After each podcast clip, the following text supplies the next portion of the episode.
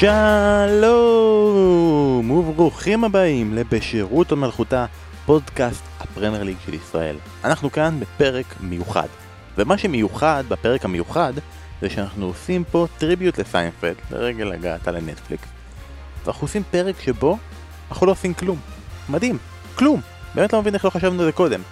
אז מה בכל זאת נעשה פה חוץ מכלום? בכל זאת כבר לחצתם פליי, ואתם באוטו, והכלים לא ישטפו את עצמם, שזה אגב מקום מאוד מאוד מוזר לשטוף את הכלים שלכם. גם מסוכן, תיזהרו בכבישים בכל זאת. בכל מקרה, מיד באוזניים שלכם הרעיון שערך ניב דוברת, שליח ספורט אחת באנגליה, עם אגדת ליברפול, רובי פאולר. פאולר, ברעיון, מספר על הכינוי האלוהי שזכה מהאוהדים, על הרגע הכי מרגש שהיה לו באנפילד, הרגשת הפספוס בנבחרת, על ליברפול הנוכחית ועל מוחמד סאלח ואיפה הוא נכנס ברשימה של הגדולים ביותר. הוא מספר איזה שחקן היה שמח שישחק איתו בליברפול, ואיך הוא אמנם לא זכה באליפות, אבל בכל זאת לקח חלק בחגיגות אליפות. פרובינציאלים שכמונו, שאלנו אותו גם על רוני רוזנטל, ספוילר, הוא נתן תשובה די מפתיעה, על אייל ברקוביץ' ששיחק איתו במנצ'סטר סיטי, וגם מי היה מעדיף לשחק לצידו בגדולתו. אייל או יוסי. ולסיום, האם היה מוכן להחליף את יורגן קלופ? בסטיבן ג'רארד. הרעיון מן הסתם הוא בשפה האנגלית, ולמי שמעדיף שירות של כתוביות, אז כמובן שאנחנו מעודדים וממליצים לכם לראות את גרסת הוידאו של הרעיון שמשודרת לכל אורך השבוע בחבילת הערוצים של ספורט אחת. רובי פאולר וניב דוברת, ראיון מיוחד עם אלוהים. וגם פאולר סבבה. תהנו.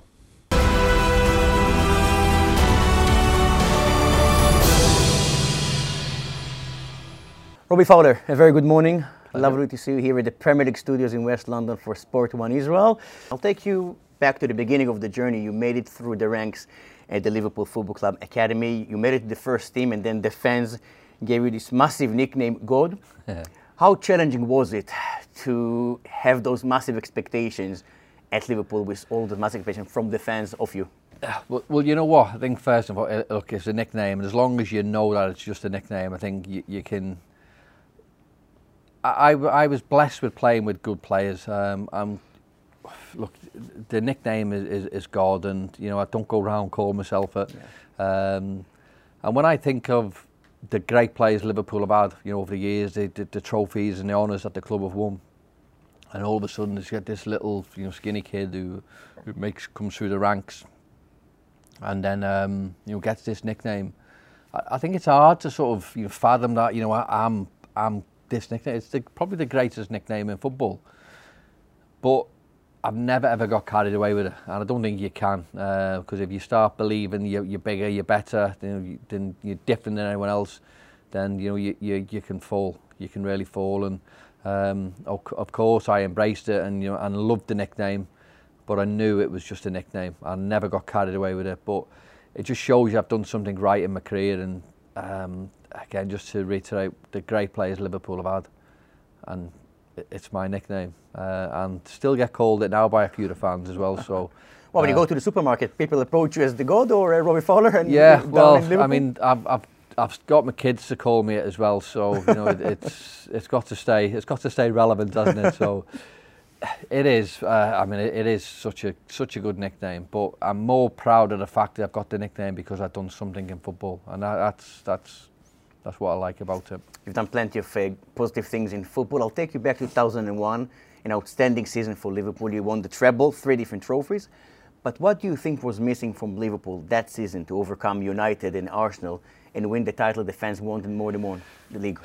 You know what? What a good question. Uh, I don't think anyone's ever asked me that before. I think obviously we achieved in terms of winning every cup competition that we you know, we, we conceivably could win that year.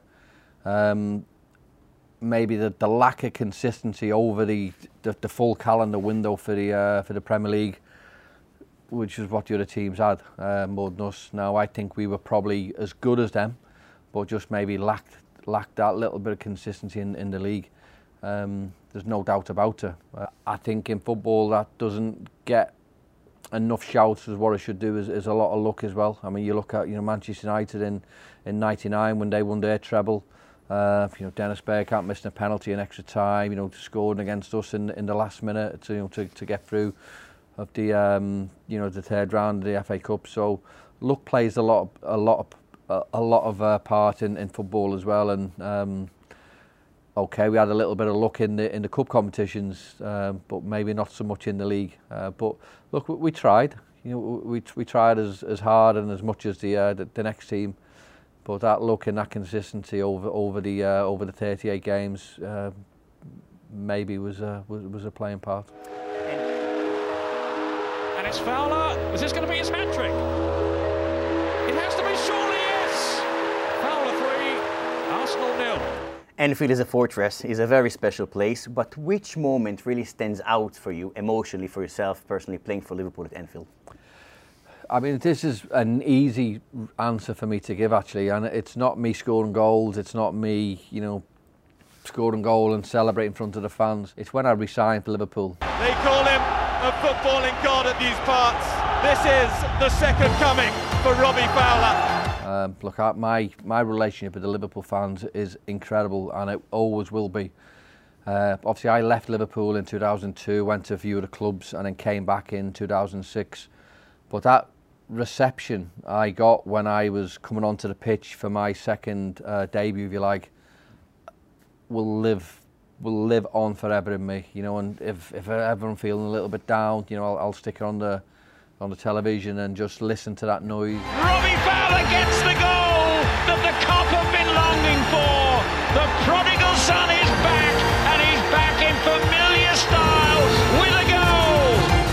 I can I can taste the atmosphere even now. You know when I when I talk about that moment coming back and I'm I'm playing for Liverpool. Yeah. Goosebumps, isn't it? Yeah, Just- honestly, it's you know the airs in the back of me. I'm obviously excited talking about it now, and uh, I mean that noise when I came on for for, for, for my second debut, not, nothing will ever get near that.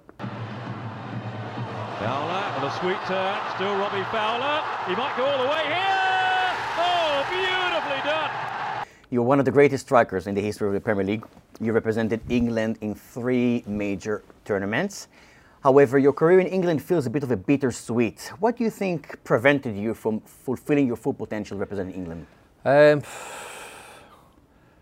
you know, I, I don't know. I really don't know. I mean, obviously injuries. Uh, I mean, forget about England or you know club sides or whatever. But I mean, I had you know, I was unfortunate with a lot of injuries, like serious injuries. I mean, I've obviously broke my leg, you know, I've had you know, two hip operations, uh, you know, I've done my cruciate in my knee, so maybe unfortunate with, with obviously, you know, a lot of injuries, uh, you know, at, at bad times and wrong times. Um, my England career was, was, was okay, just okay. Um, would have liked more caps, of course I would have done. Um, my goals per games was, was was was relatively good. I think I scored seven goals or six goals in 12 games uh, starts. Uh, I think maybe 26, 27 caps. So again, you know, we'll all have you know as players we'll all have this perception we should be playing all the time, and I believe they should have been playing all the time. Um, but certain managers will have certain ideas and certain principles about you know who should be playing, what formation we will be playing. Um, and the managers have their prerogative, uh, and they- are just obviously what they thought was was better players in in in certain roles or in certain systems. Um, what can we do? You know, we, we can we can say and and do stuff, but I mean, I should have had a lot more caps. There's no doubt. There's no doubt about that. You know, I was. Um, when you think of football now and you know the modern game, you know players play maybe you know three, four, five games for the club, and uh, and get an, an international cap. I'd scored almost 100 goals before I got my first cap. That in itself is incredible. Incredible number. Yeah, really. Honestly, when you sort of sit back and analyse that, I mean, I made my first team debut in 1993. I made my England debut in '96. It was almost 100 goals. That would never happen now. Should have had the call, call to the national team possibly a bit earlier with, uh, with this Yeah, tally of goals. yeah, should have been well earlier. Yeah. Let's talk about Liverpool this season. They started the season very well. They took a different strategy, different approach this summer. They extended the contract of uh, several very experienced players. But they didn't go out there and spend big money in recruitment like Yeah. other big clubs like United, Chelsea, Man City, for example. Do you think this strategy could really cost Liverpool because last year they dealt with so many injuries, for example? Yeah, uh, I mean, yes, in hindsight, it could do, um, but you know, it might be might be a blessing. You know, Liverpool might have a plan in the future, whereas you know the teams who have spent so much money this year they might not be able to spend money next year. And Liverpool, that might be their, their aim or their goal. Um, Liverpool last year struggled with injuries. Obviously, they lost uh, Van Dijk, they lost uh, Gomez, they lost, they lost Matip, and the lads who came in done okay. But you know, you're not going to win. You're not going to win Premier League, or you're not going to win major trophies with the, the lads who came in. The players who who, who were were playing last year are better now than what they than what they were last year. So I think they, they understand the Premier League a little bit more. They understand the club. They understand the importance of what it means to be playing for Liverpool that little bit more. So we'll always get you know, them performing that little bit better. Um, you you've got players who have signed longer term you know, contracts. So that was important for the club. We've signed players on longer term contracts who we know are established in the Premier League. Yeah, well found. The yeah. foundation is so, so the foundations are, are, are certainly you know been been laid down. Um, and yes, of, of course, you know I'm a Liverpool supporter. And I want Liverpool to sign lots of players. I really do, uh, because I'm I'm with the adage if, if you're not signing players, then you know the clubs are signing players, and you know you're going to get further behind. Um, so you know that's what happens in football. But I'll be amazed if Liverpool haven't got a you know a plan, a long-term plan. Um, obviously, get everyone signed up this year, uh, and it makes for an interesting summer next year because I'll be amazed if they don't go out there and sign a good few players. It's Mo Salah.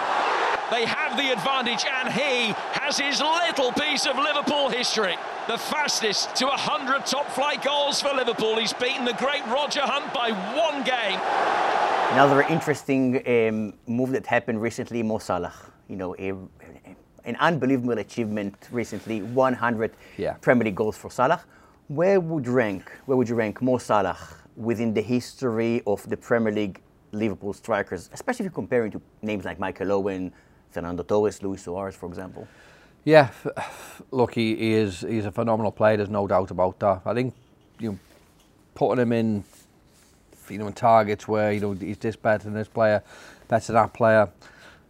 I don't want to do that because I find that disrespectful to the likes of Michael for, you know, for, for Torres and Suarez. But there's no doubt that since he's been at Liverpool, he's, he's definitely improved as a player.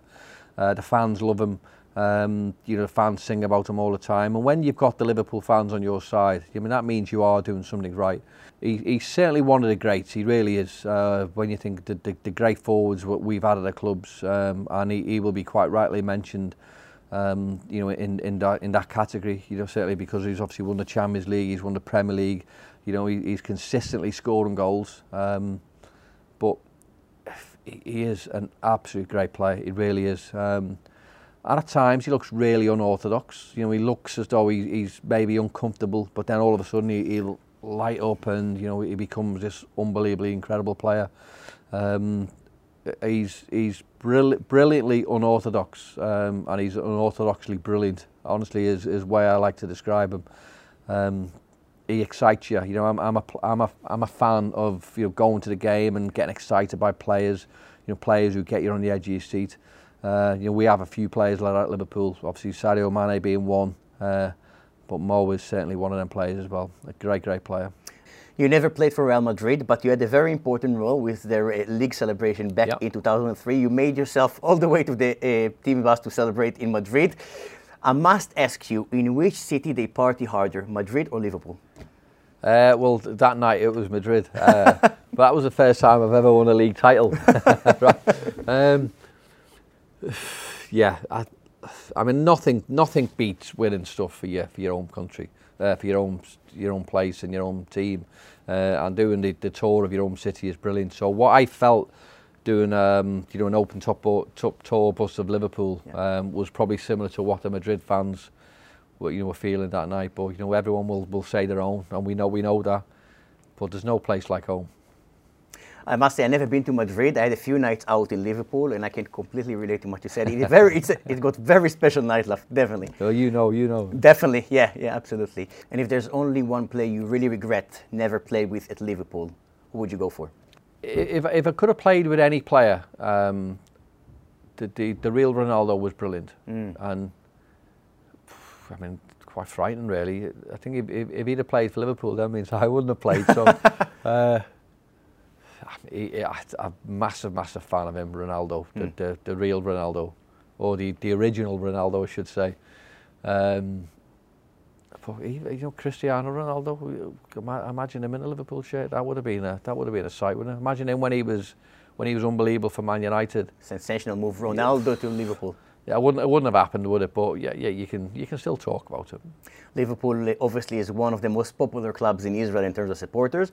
In three Israelis played for Liverpool throughout the history: the late Avi Cohen, Ronnie Rosenthal, and Yossi Benayoun. Three players, different times, different positions. But what do you remember from watching them? And out of those three Israeli players, who was the greatest? Do you think?